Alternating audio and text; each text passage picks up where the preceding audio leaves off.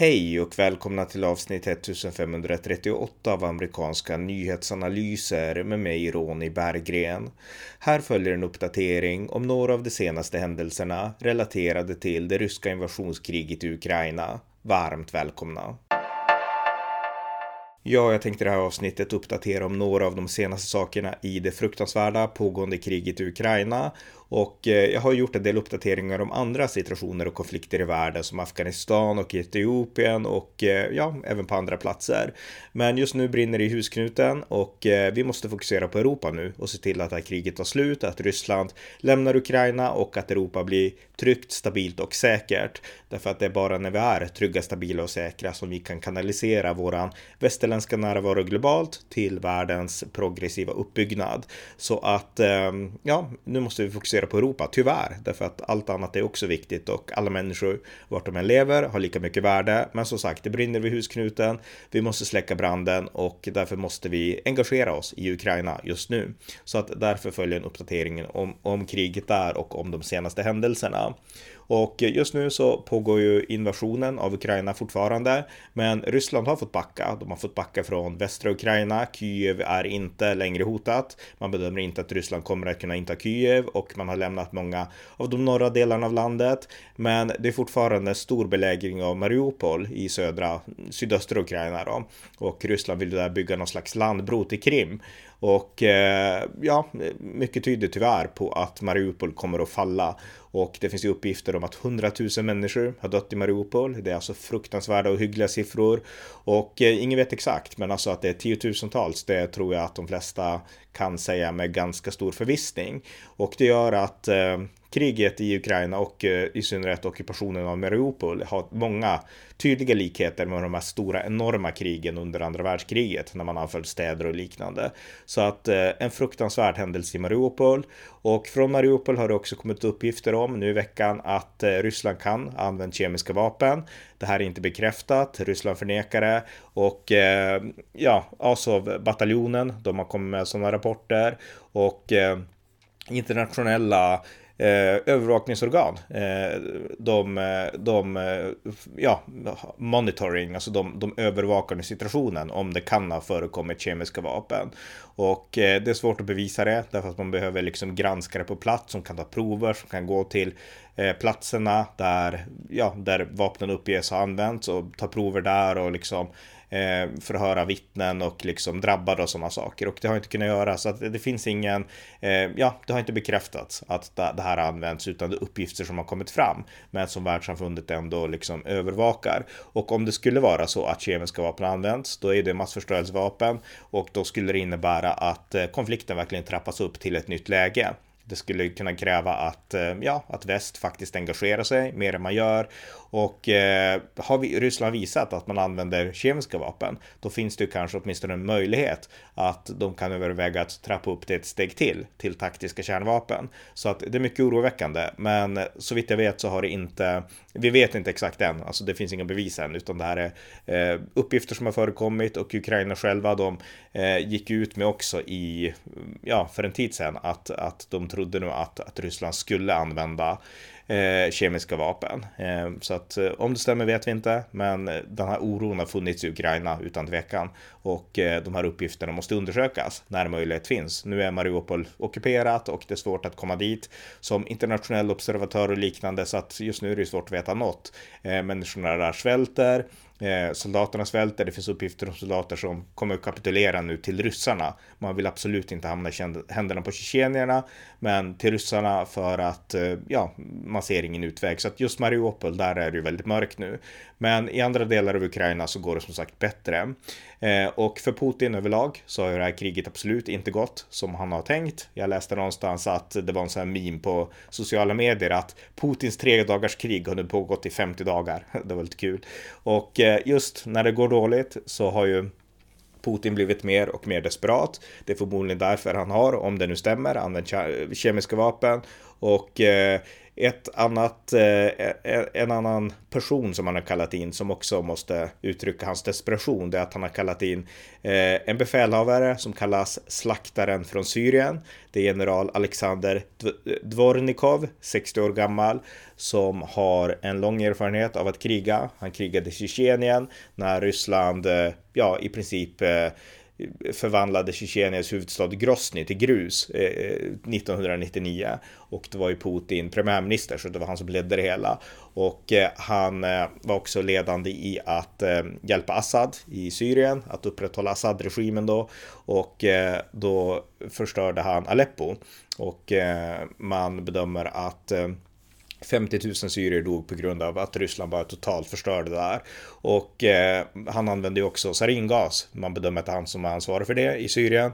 Och eh, ja, en väldigt brutal eh, befälhavare. Och USAs eh, eh, admiral James eh, Stavridis, han beskrev Eh, Eh, den här eh, ryske Dvornikov då som eh, den värsta tänkbara och att det här är en, ja, en mycket brutal person som använder terror och har även använt sig av tortyr och liksom systematiska våldtäkter och sådana saker för att kuva liksom de här folken som han får det att invadera. Och det här är en person som är en av Putins mest förtrogna. Han fick en, eh, han, han belönades med en medalj 2016 eh, av Putin och eh, det var Eh, den högsta, eh, jag läser på engelska här, He was awarded the highest honor of hero of the Russian Federation by the Russian president in March eh, 2016.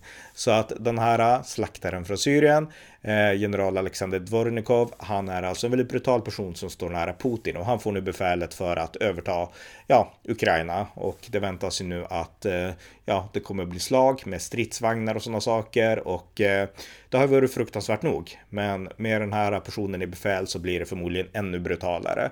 Så att stora likheter med andra världskriget. Och tyvärr finns det också andra likheter i det här kriget med de historiska, den historiska totalitarismen.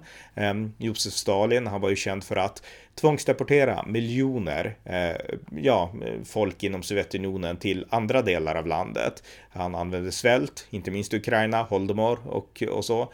Eh, och han tvångsdeporterade mängder av människor från söder till norr, upp till Gulaglägren, upp till Sibirien och liknande. Och det finns rapporter nu om att Ryssland har tvångsdeporterat mer än 400 000 ukrainare. Och det är Time Magazine som skriver om det här och det här är en artikel från den 25 mars. Eh, rubriken lyder Moscow has forcibly taken more than 400 000 Ukrainians to Russia, Ukraine says. Och det här är alltså ukrainska uppgifter som, som gör gällande att eh, att Ryssland har tagit 400 000 personer, varav 84 000 barn, till Ryssland. Och eh, det faktum är dock att Ryssland förnekar inte det här, utan de säger samma sak, att jo, men det har kommit sådana och eh, de har blivit omplacerade i Ryssland, men med undantaget då, eller med skillnaden att Ryssland menar att de här, de kom frivilligt, de ville åka till Ryssland. Och eh, ja, det säger ganska mycket. Och det här är också något som måste undersökas av utomstående granskare och så. Och det här strider ju mot alla, alltså mot mänskliga rättigheter. Man kan inte tvångsförflytta människor så här. Och eh, jag har läst uppgifter om att barn har blivit skilda från sina föräldrar att de ska bortadopteras i Ryssland. Och det är ju totalt, alltså det är, det är fruktansvärt och det är ju det är verkligen att försöka utplåna ett folk att göra så. Och det här är saker som måste granskas. Barnen måste liksom identifieras och man måste kunna liksom koppla tillbaka dem till sina anhöriga i framtiden. Och eh, att Ryssland ens gör så här, det är, ja, alltså man, får, man måste tänka, alltså parallellen heter Stalin. så att det, det är rätt absurt. Eh, som tur är så har nu väst börjat agera hårdare och hårdare och reagera på, på det Ryssland gör. Och nu har både president Joe Biden och tidigare president Donald Trump stämplat Rysslands agerande i Ukraina som folkmord. Eh, Joe Biden han sa, han sa i tisdags den 12 april att, eh, att eh, eh, liksom ens förmåga att leva ett normalt liv ska inte bero på en diktator som, eh, som liksom utför ett folkmord på andra sidan världen. Han menar då att liksom det som händer i USA ska inte påverkas av ett folkmord. Men just att han använde ordet folkmord, det varit väldigt eh, många skriverier om det, därför att man brukar oftast avvakta och vara försiktig när man använder den termen. Ni som kanske minns Islamiska staten och deras folkmord mot, de, eh, mot minoriteterna och mot andra i Mellanöstern där hade ju Sveriges regering, Margot Wallström och Stefan Löfven och Socialdemokraterna, de hade väldigt svårt att använda termen folkmord, för de ville inte det, de tyckte man kan använda andra termer.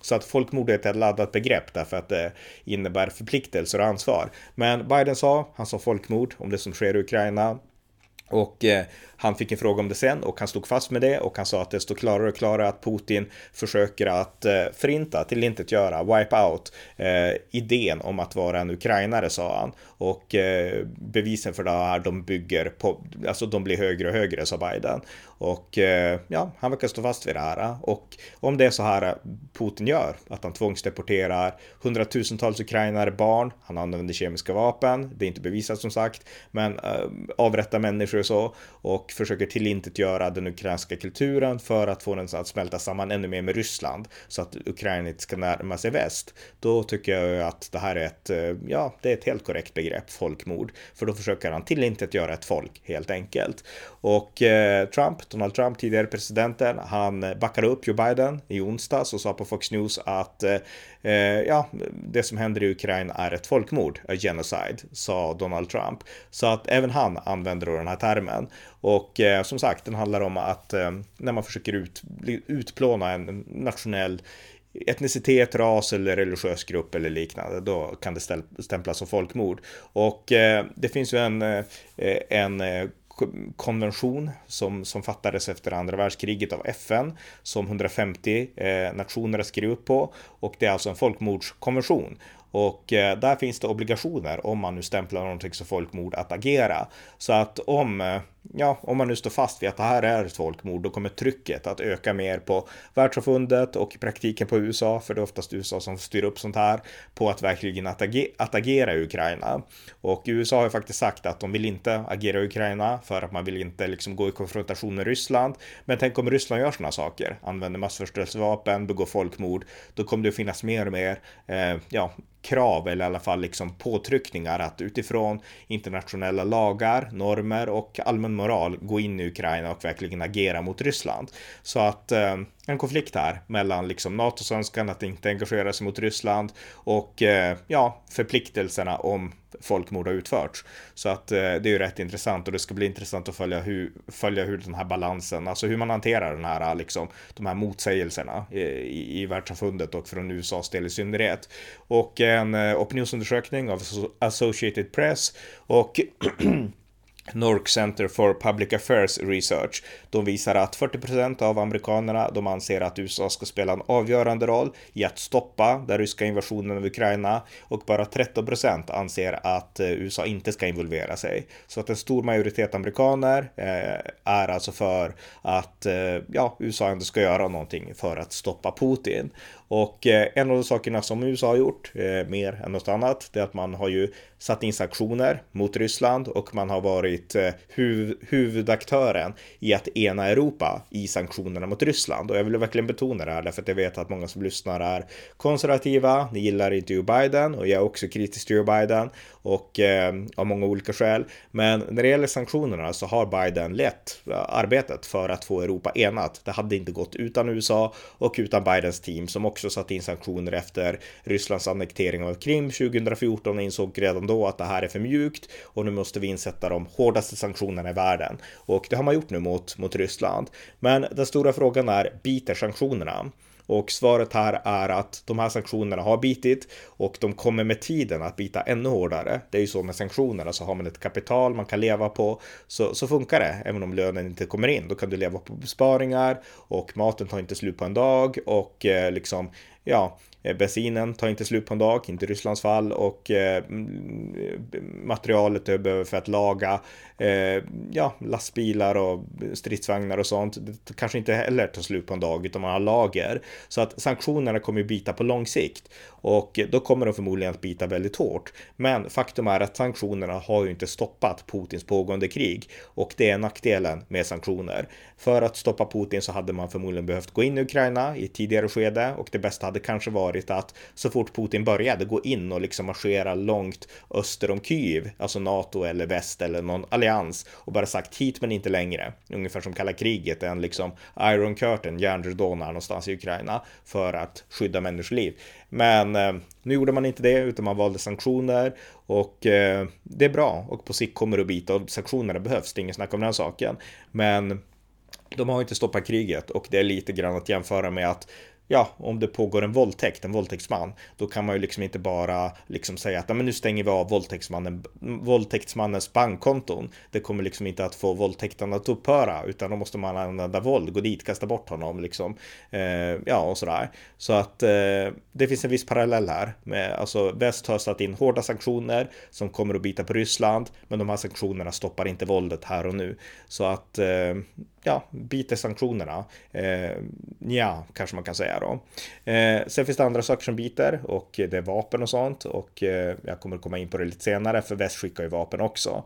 Men om vi går till Ryssland lite snabbt. Det är så här att kriget går som sagt inte som Putin önskat och eh, Putin har ju eh, skuldbelagt väldigt många i sin närhet för det här. Och det senaste nu det är att man har satt eh, Rysslands främsta eh, chefsspion, eh, Eh, general, kolonel general Sergej Beseda i, i husarrest. Och han leder, eh, ja, eh, den ryska underrättelsetjänsten FSBs eh, insamling för information och sådär. Och det var hans uppgift och deras uppgift att eh, förse Putin med information om Ukraina inför kriget.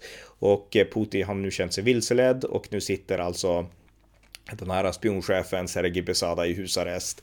Och eh, ja, det känns som att Putin, han, han, han litar inte på någon längre och han är besviken på alla och alla är rädda för honom och de kan hamna i husarrest och i andra ganska svåra situationer. Och eh, det här är också en parallell till Sovjettiden därför att det var så här att de som eh, Sovjetledarna ansåg vara fiender eller hade misslyckats. De blev stämplade som statens fiender. De vart avrättade eller skickade till arbetsläger, i synnerhet under Stalins era. Och eh, ja, det var liksom ett skräckvälde där, där liksom man var i händerna på den enväldige härskaren i synnerhet under Stalin och det verkar vara likadant under Putin. Och det här, det här gäller såklart inte bara hans nära som han är besviken på utan det gäller givetvis ännu mer hans öppna kritiker. Och en av de idag mest kända eh, öppna Putin-kritikerna det är Vladimir Karamursa han är en person som kan engelska flytande. Han har bott i USA, han skriver för Washington Post. Han har varit vän med John McCain och han, eh, han bor i Ryssland, eh, även om han har bott i väst också tror jag.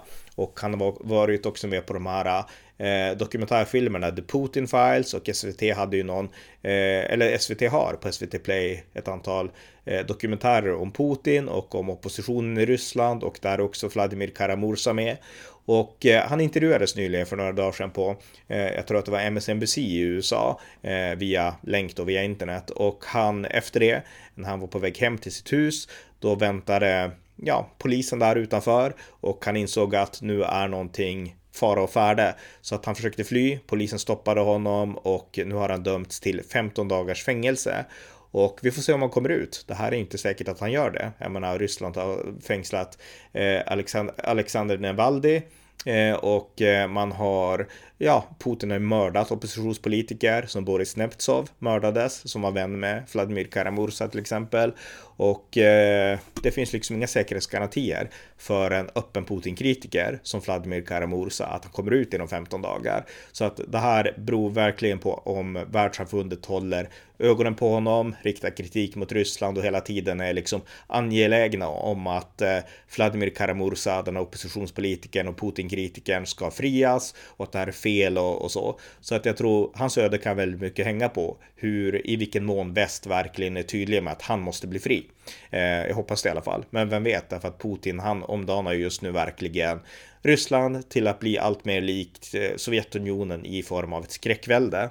Så att det är väldigt, väldigt otäckt det som sker. Eh, men återigen till Ukraina. Som sagt, Kiev kommer inte att falla och en rad internationella ledare har ju insett det och besökt Kiev. Eh, I synnerhet ledarna från Östeuropa, men även nu ganska många profiler från västra Europa. Eh, EU-kommissionens ordförande Ursula von der Leyen, hon var i Kiev och hon träffade eh, Ukrainas president Volodymyr Zelensky och lovade att liksom, nu ska vi komma igång med en ansökningsprocess till EU. Eh, Storbritanniens premiärminister Boris Johnson, han var i Ukraina i Kyiv nyligen och träffade träffade också Zelensky och lovade fler vapen till, eh, till Ukraina. Och eh, Irlands utrikesminister Simon Conway, han åkte till Kyiv igår, träffade Zelensky och sen har vi mängder av eh, politiker från Tjeckien och från Polen som har varit i, i Kyiv och sådär. Så att Eh, Eh, ja, nu börjar liksom världs, ja, världs, stora världspolitiker att, att besöka Zelensky i Kyiv och det här är mycket bra. Det visar att väst står upp för Ukraina och det måste verkligen vara en nagel i ögat på Putin att se de här västledarna liksom komma till Kyiv och hälsa på Zelensky som att han är en av dem. Det är det sista Putin vill. Men däremot har Zelensky sagt nej till en ledare och det är till, det är till Tysklands president eh, Frank-Walter Steinmeier och det beror på att Steinmeier, han hade en nära relation till Sergej Lavrov, alltså Rysslands utrikesminister och eh, han var helt för Nord Stream 2 och liknande. Och eh, Zelensky säger att du är en sån här Putin-politiker så att du inte är välkommen till Kiev. Har Zelensky sagt till Tysklands president. Så att det är ganska hårt av Zelensky. Och vi vet ju att Tyskland har många politiker. Gerhard Schröder, socialdemokraten framför allt. Men även många andra som verkligen var, eh, ja, man kan ändå säga att de var polare med Putin kan man säga. Och de eh, tog emot Putins pengar, de var helt för Nord Stream 2, de motsatte sig ukrainskt och georgiskt medlemskap i, i NATO och liknande för att de köptes av Putins pengar. Så Tyskland har väldigt många sådana politiker och president Steinmeier verkar vara en av dem. Sen försöker han ju pudla nu såklart, men Zelensky han säger att nej tack, du har gjort för, du har stått på fel sida så att du får inte komma hit. Eh, och jag tycker att det var rätt hårt av Zelensky då. Eh, jag var inne på att eh, sanktioner kanske inte alltid biter och att det tar för lång tid.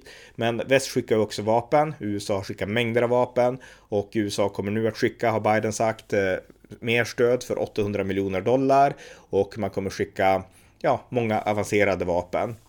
Och förra månaden så skickade USA 800 Stinger-missiler till, eh, till Ukraina, 2000 Javelin, Javelin, eh, ja, missiler som kan skjuta pansarvagnar, stridsvagnar och man skickade 1000 eh, anti-armor weapons, 6000 AT4 anti-armor systems och 100 obemannade drönare. Man skickade 100 granatkastare, 5000 skjutvapen, 1000 pistoler, 400 machine guns och eh, 400 hagelbössor eller shotguns och 20 miljoner ja, eh, omgångar ammunition och liknande och 25 000 skyddsvästar, 25 000 hjälmar och sådär. Så att USA har skickat enormt med material och jag läser att USA har faktiskt gett bort en tredjedel av, sin, eh, Eh, av sina Javelins, alltså antitankmissiler då, för att Ukraina ska kunna skjuta ryska stridsvagnar. Och jag läste en artikel idag som, eh, där frågan ställs, har USA så mycket Javelins att man kan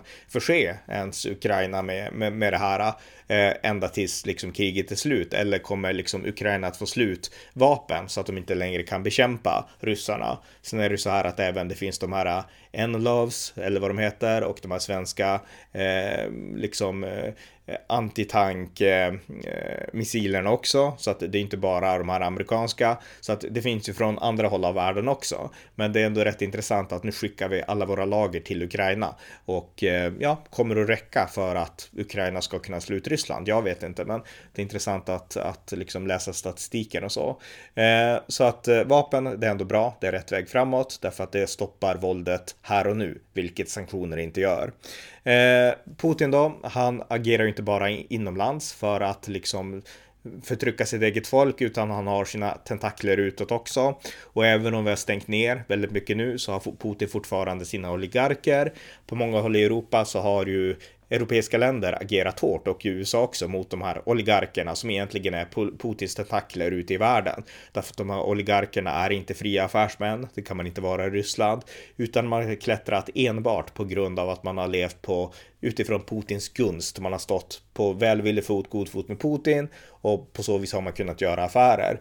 Och eh, ja, man har använt sitt inflytande också utomlands, i synnerhet i länder som London, men även i Tyskland och södra Europa och så. Men det finns också oligarker i Sverige och eh, det finns en oligark eller en oligarkägd fabrik i Sundsvall eh, här uppe i Västernorrland, fabriken Kubal som ligger i Sundsvall och den ägs av den Putin-nära oligarken Oleg Deripaskas eh, som har en aluminiumkoncern som då liksom äger fabriken, i Kuba, fabriken Kubal i Sundsvall. Och eh, SVT skrev nyligen om att eh, eh Oleg Deripaskas, han eh, sattes på USAs sanktionslista redan 2018 och nu kommer han också sättas eller har satts på EUs sanktionslista och det tycker jag är jättebra. Men eh, han blev skyddad av vår socialdemokratiska regering som motsatte sig 2018 och 19 att USA ville sanktionera honom därför att Kubal är Sundsvalls största arbetsgivare och eh, ja, tydligen så har den svenska regeringen lockats, precis som så många andra regeringar i Europa, av ryska pengar. Så att Ann Linde, hon åkte till USA för att få eh, Oleg Deripaskas, eh, ja, borttagen från den amerikanska sanktionslistan. Och det blev också så. Alltså Sverige lobbade verkligen för honom. Och det här är, ja, det visar verkligen hur Ryssland agerar med sina pengar. Eh, och eh, Eh, det finns en bra bok som jag läst nyligen, Catherine Beltons bok Putins krets, där de går in på vad oligarkerna gör och hur de liksom har infiltrerat och deras inflytande och eh, hur de försvagar västs enhet mot Putins Ryssland genom att med sina pengar få liksom väst att se mellan fingrarna på korruption och på liknande och eh, bli delaktig i korruption också. Och eh, ja, genom Putins pengar så kan Putin få inflytande i väst genom sina oligarker. Så att det är viktigt att vara hård mot oligarkerna. Och Sverige har inte varit det, utan vår regering, Socialdemokraterna, har förförts av Putins pengar och skyddat hans oligarker. Och det är pinsamt och det är fel och jag hoppas att regeringen gör bot och bättring nu när vi vet vad Putin är för person och vad han är för slags ledare, att han är en diktator som eh, bedriver imperialism och storskaliga krig i världen. Vi kan liksom inte hålla håller på att kompromissa med det och eh, hans oligarker måste granskas totalt i sömmarna. Vi måste göra precis som övriga Europa gör eh, och vara hårda och tuffa i den här frågan. Eh, nästa sak som hänt som kan nämnas det är att Ukraina har skänkt ett ryskt eh, stridsskepp, flaggskeppet RFS Moskva eh, på, på Svarta havet, Svarta, en del av eh, den ryska Svarta havsflottan. Och enligt ukrainska uppgifter så har man använt eh, Neptun sjömålsrobotar för att beskjuta det här eh, stridsskeppet och eh, skeppet fattade eld och eh, enligt uppgifter så först kom det uppgifter om att det hade sjunkit. Sen kom det uppgifter om att så inte var fallet utan att det var trasigt men att det eh, boxerades in i hamn för att inte sjunka. Men nu idag så har rapporter kommit att det här skeppet faktiskt har sjunkit och det är en. Det är ett stort bakslag för den ryska Svarta havsflottan därför att eh, eh, det här är ett, det är ett stort skepp. Det byggdes 1983. Det är 180 meter långt och eh, 20 meter brett och så här. Och eh, Sen annekteringen av Krim 2014 så har den ryska havsflottan haft en stark ställning i Svarta havet och utan det här skeppet då, eh, RFS Moskva, så, så blir man ju svagare. Det blir svårare att liksom ta Odessa.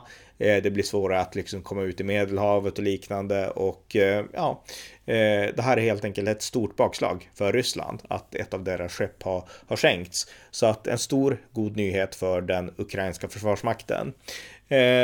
Det har ju också varit så, det här blir min sista nyhet just nu, att eh, igår så var Finlands eh, statsminister Sanna Marin, hon var i Sverige, besökte vår statsminister Magdalena Andersson för att rapportera lite informellt först om vilken väg som Finland kommer att ta gällande valet att gå med i NATO. Och hon sa inte öppet vad Finland skulle välja, men eh, allt tyder på att Finland kommer att gå med och att man vill ha med Sverige på samma resa.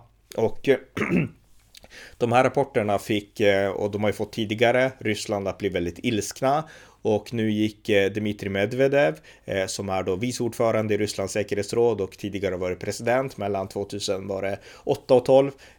Han var liksom en slags interimpresident mellan Putin då och en av Putins närmaste män ska sägas, totalt lojal med Putin. Men Dmitrij Medvedev, han sa att det här är alltså oroväckande och om Finland och Sverige går med i NATO så kommer det att få allvarliga konsekvenser, sa han. och Ryssland kommer att vidta åtgärder och han förklarade att eh, om de här länderna, Sverige och Finland, går med i NATO så skulle det påverka kärnvapenbalansen i Östersjöområdet och eh, Ryssland måste i så fall återställa den balansen menade Medvedev då och eh, vi skulle inte längre kunna prata om Östersjön som en kärnvapenfri zon, säger han. Och det här är ju ren utpressning mot oss, mot Sverige upp mot Finland. Och eh, det här visar också att eh, vi måste gå med i NATO, helt klart. Därför att om man håller på att fäkta och liksom använda kärnvapen som ett påtryckningsmedel så är det ingen snack om att då måste vi vara med i NATO-alliansen. Och det innebär inte att det kommer att bli kärnvapen i Sverige eller Finland, men vi kommer ändå vara en del av USAs och av NATOs kärnvapenparaply. USA, eller NATO är också en kärnvapenallians, det är ett faktum. Och det är en del av den här avskräckande faktorn som gör att eh, Ryssland inte kan agera, eller de kan, men då kommer en total vedergällning så att det finns ingen logik i att göra det. Medan Sverige utan NATO, vi har inte det skyddet, utan vi har, alltså vi har ingenting att sätta emot kärnvapen, men med NATO skulle vi ha det. Och när då en sån här som Medvedev kommer ut och orerar om kärnvapen så visar det ännu mer att vi liksom, vi måste gå med för att ta det här skyddet. Och han menar då att ja, men om ni inte går med så är ni inte hotade. Men titta på vad som hände i Ukraina. Eh, det var inte så enkelt och eh, Ryssland går inte att lita på. De driver alltså en massiv propaganda. Och eh, allra sist ikväll kommer jag att göra ett nytt poddavsnitt där jag pratar lite grann om det Putin tänker, alltså de eh, ideologiska idéerna som ligger bakom alltså invasion av Ukraina och eh, var han, vad han tänker om liksom den geopolitiska situationen, hans syn på historien, hans syn på Europa och den ryska intressesfären och, och liknande. Och eh, det kommer att vara ett samtal med Dag Kirsebom som har varit med i podden förut. Och vi kommer även att prata om den rapport som eh, Finland eh, presenterade igår. Eh, den finländska redogörelsen för förändringarna i den säkerhetspolitiska miljön. Så att ett nytt poddavsnitt ikväll om Putins ideologiska tänkande och eh, ja, hur Finland nu tänker för att eh, kunna värna sig själva mot det här äh, snabbt växande ryska hotet. Så att det är ett tips inför ikväll, kvällens podd. Men med det sagt så har ni fått en uppdatering nu om lite, några av de senaste sakerna som hänt. Det har ju hänt fler saker också såklart i Ukraina, men det här var några av, av sakerna. Så att jag hoppas att ni uppskattar den här uppdateringen. Tack för att ni har lyssnat på det senaste avsnittet av amerikanska nyhetsanalyser. Europa befinner sig just nu i krig. Ukraina har tagit den hårda smällen och genom sitt mod och sin stridsvilja har det uttunnat Rysslands förmåga att slå till på andra ställen i Europa. Något Ukraina har kunnat göra tack vare det militära och humanitära stöd som övriga Europa och USA har gett dem. Detta ger Sverige och Finland en tidsfrist som vi annars inte skulle ha haft att gå med i NATO utan att Ryssland har kapacitet att allvarligt vedergälla. Det visar också västs styrka när vi står upp för varandra. Jag vill därför uppmana alla er som lyssnar att likt mig skänka en slant till valfri organisation som stöder Ukraina. Genom att hjälpa Ukraina hjälper vi Europa och oss själva. Det var allt för den här gången. Allt gott tills nästa gång. something.